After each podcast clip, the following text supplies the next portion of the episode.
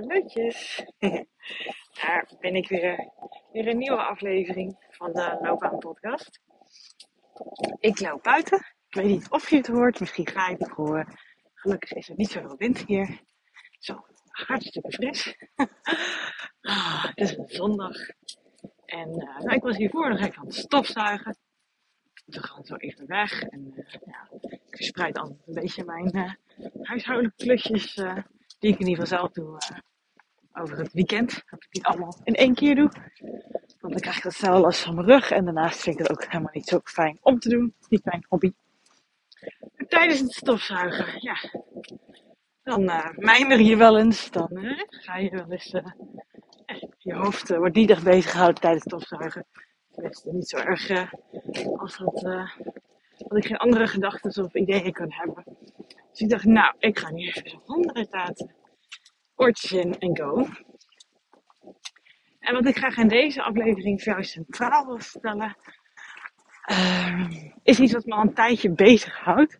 Op bepaalde manier. En dat is dat heel vaak, wat, wat me opvalt, en zo deed ik dat voorheen ook heel veel en nu af en toe nog steeds hoor.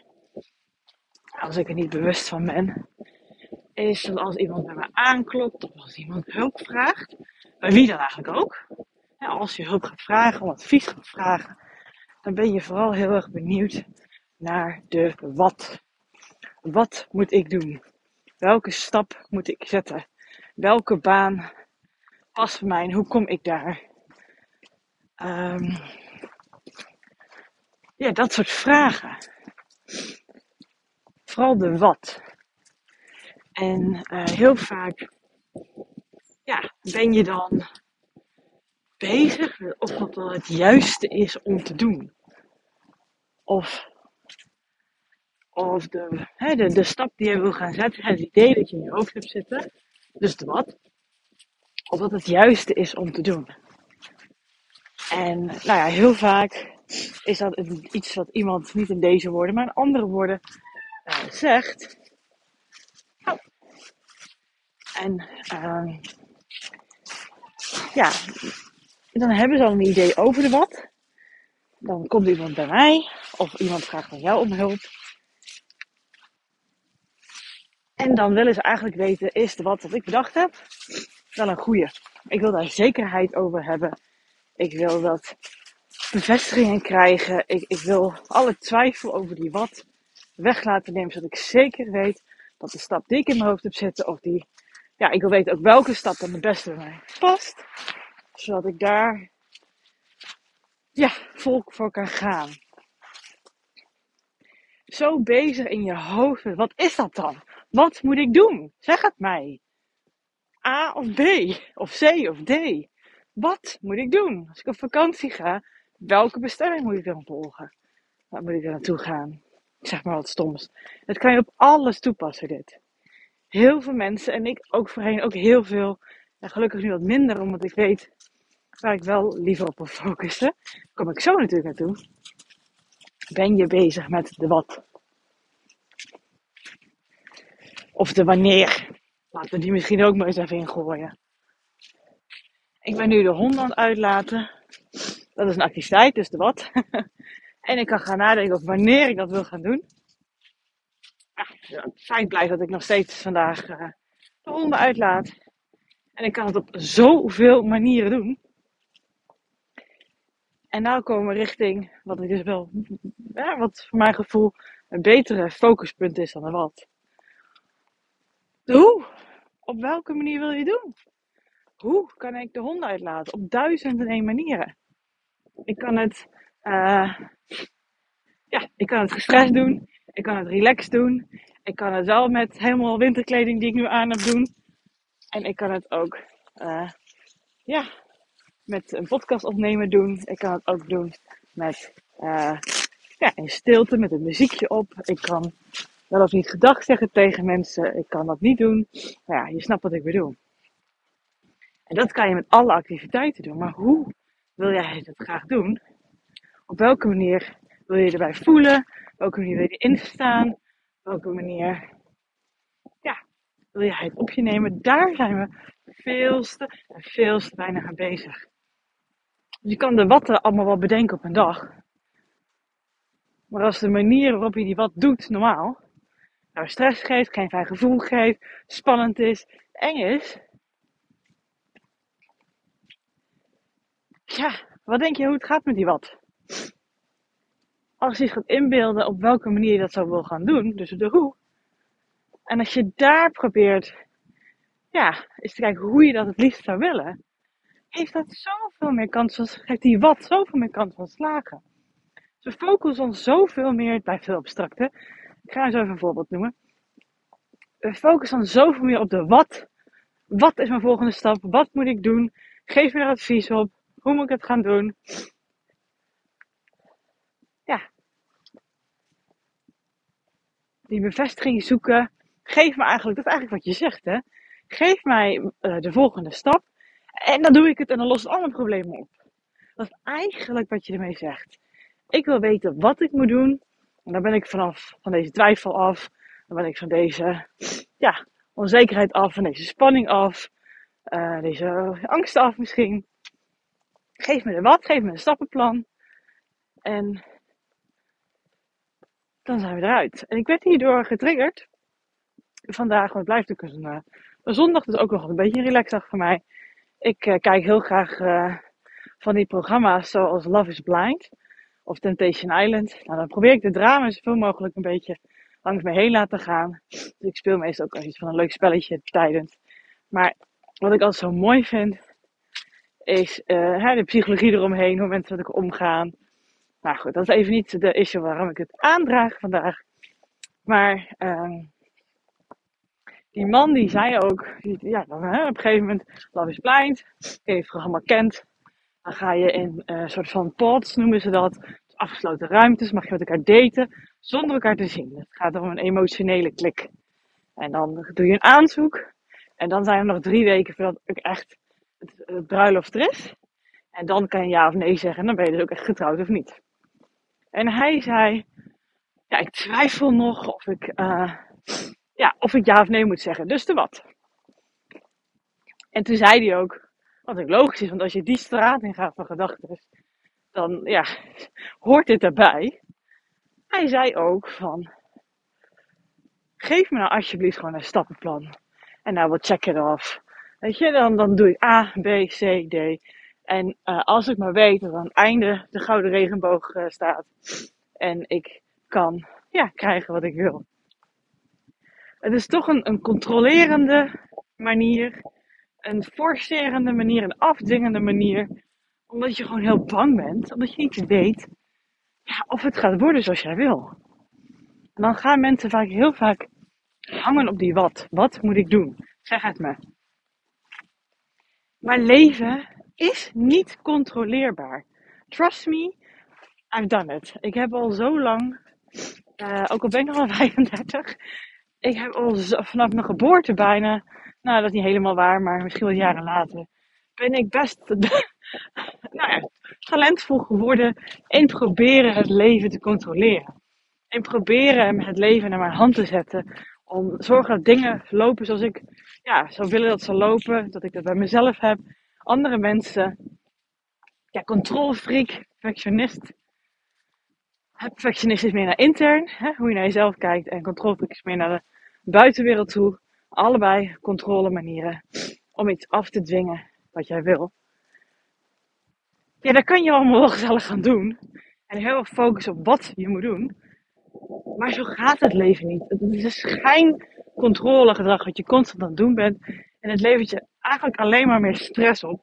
Want het leven is niet te controleren. Ook al denk je dat je aan alles gedacht hebt, dan nog zijn er dingen die anders lopen of niet. Mocht je het herkennen, mocht je dit ook nog wel eens doen, dan kan je dit vast beamen. Zo werkt het leven gewoon niet. Het is niet te pakken. Dingen lopen anders. Voor de good en de bad.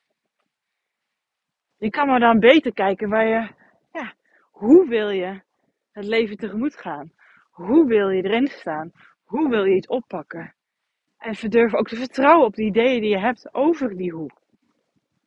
En dan, hè, dan wordt het, de wat is natuurlijk ook wel belangrijk. Wat ga je doen? A of B.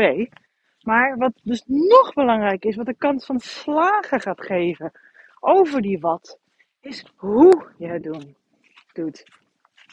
En als je, nou ja, uh, ja, door hulp of begeleiding of advies van mensen te horen krijgt van, goh, nou ja, ik zou het zo doen, of ik denk even met je mee, denk, dan laten we voor optie B gaan.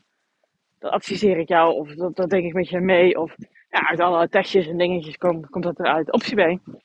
Nou, maar als je dat blijft doen op de manier zoals je het leven altijd al tegemoet ging, op die controlerende manier, op die afdingende manier, dan gaat het toch niet zo uitpakken. En dan denk je, kakadvies, dit werkt niet voor mij. Nee, inderdaad. Want het is ten eerste misschien niet jouw stap, of misschien wel, maar de manier hoe je het doet, beziekt de boel. En daar heb je heel veel invloed op. Hoe jij erin staat, hoe je iets tegemoet treedt, wat je gevoel ergens bij is, hoe je het wil aanpakken. Je kan Sinterklaas of kerst vieren, maar de hoe bepaalt hoe fijn het is. Hoe gezellig het is, hoe ontspannen iedereen is, hoe plezier iedereen heeft. Zelfs hoe lekker het eten is. Want als je met z'n allen aan tafel zit, met super lekker eten door de beste koks bereid, maar je voelt je daar niet thuis, je voelt je gestrest. En er wordt continu op je gelet of je wel de juiste vork of lepel gebruikt. En je bent bang dat als je snijdt, er kastjes op het bord komen. Ik zeg maar wat, dan smaakt het echt een stuk, stuk, stuk minder. Of niet? Dus de hoe bepaalt zoveel meer. Of ja, de, de wat die je kiest, de stap die je wil maken, ook prettig gaat zijn voor jou. Of het ook fijn gaat zijn. Of het succes heeft. Of het waardevol is voor jou. En dat is ook echt een hele grote reden waarom ik daar juist heel erg op focus in mijn begeleiding. Ik had van een week uh, uh, in mijn traject kwamen we vooral uit bij de hoe. En, uh, en hij vroeg iedere wat is het nut hier dan van?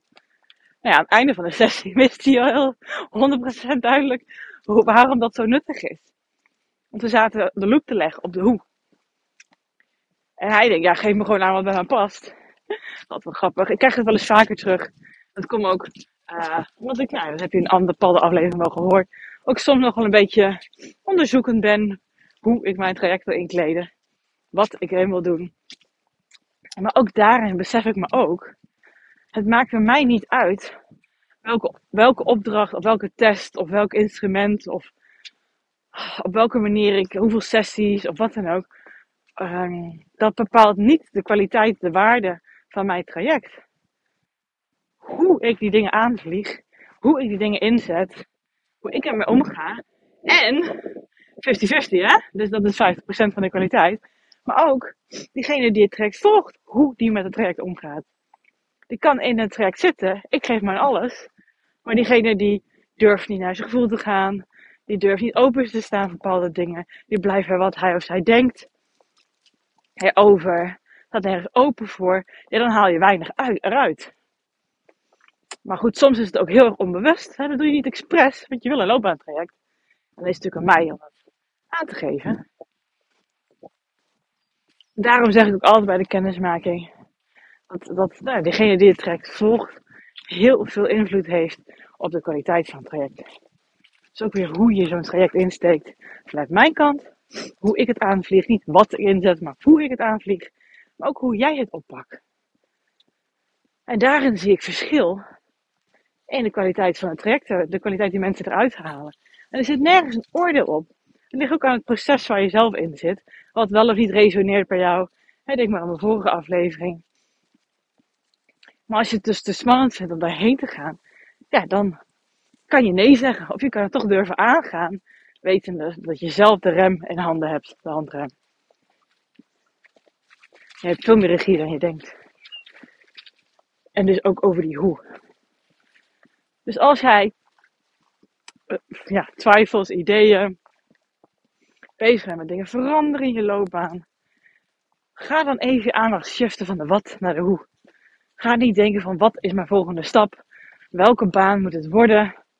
Uh, uh, als je gesprek aanvraagt bij je leidinggevende, wat moet ik allemaal gaan zeggen? Um, waar gaan we het gesprek houden? Over hoeveel tijd? Ik zeg maar wat. Ik zit gewoon even hard op te praten hier. Maar focus is, is meer op die hoe. Hoe ga ik dat gesprek aan? hoe wil ik dat gesprek aangaan? Wil ik dat het gewoon in een zakelijke setting is, zodat ik dan meer mijn emoties onder controle kan hebben? Vind ik het toch even prettig als hij bij me thuis komt? Wil ik dat even bij een barretje om de hoek doen met een kopje koffie en thee? Of wil ik dat er een collega bij zit? Neem het. Jij kan dat zelf benoemen. En hetzelfde geldt met een baan. Hoe wil ik dat proces aangaan? Wil ik dat met hulp of niet? Wil ik dat middels. Um, wat voelt voor jou het beste? Wil ik dat middels uh, netwerken? Wil ik dat middels de officiële traditionele route met vacatures, cv en brieven? Wil ik dat mensen me meedenken of niet? Vind ik dat prettig? Of ga ik staan als mensen mij vragen: hey, uh, hoe gaat het op je werk? En als je dan vertelt dat je toch iets naar je zin hebt. Ja, zeg maar wat, hè? Gewoon even hardop hier te benoemen.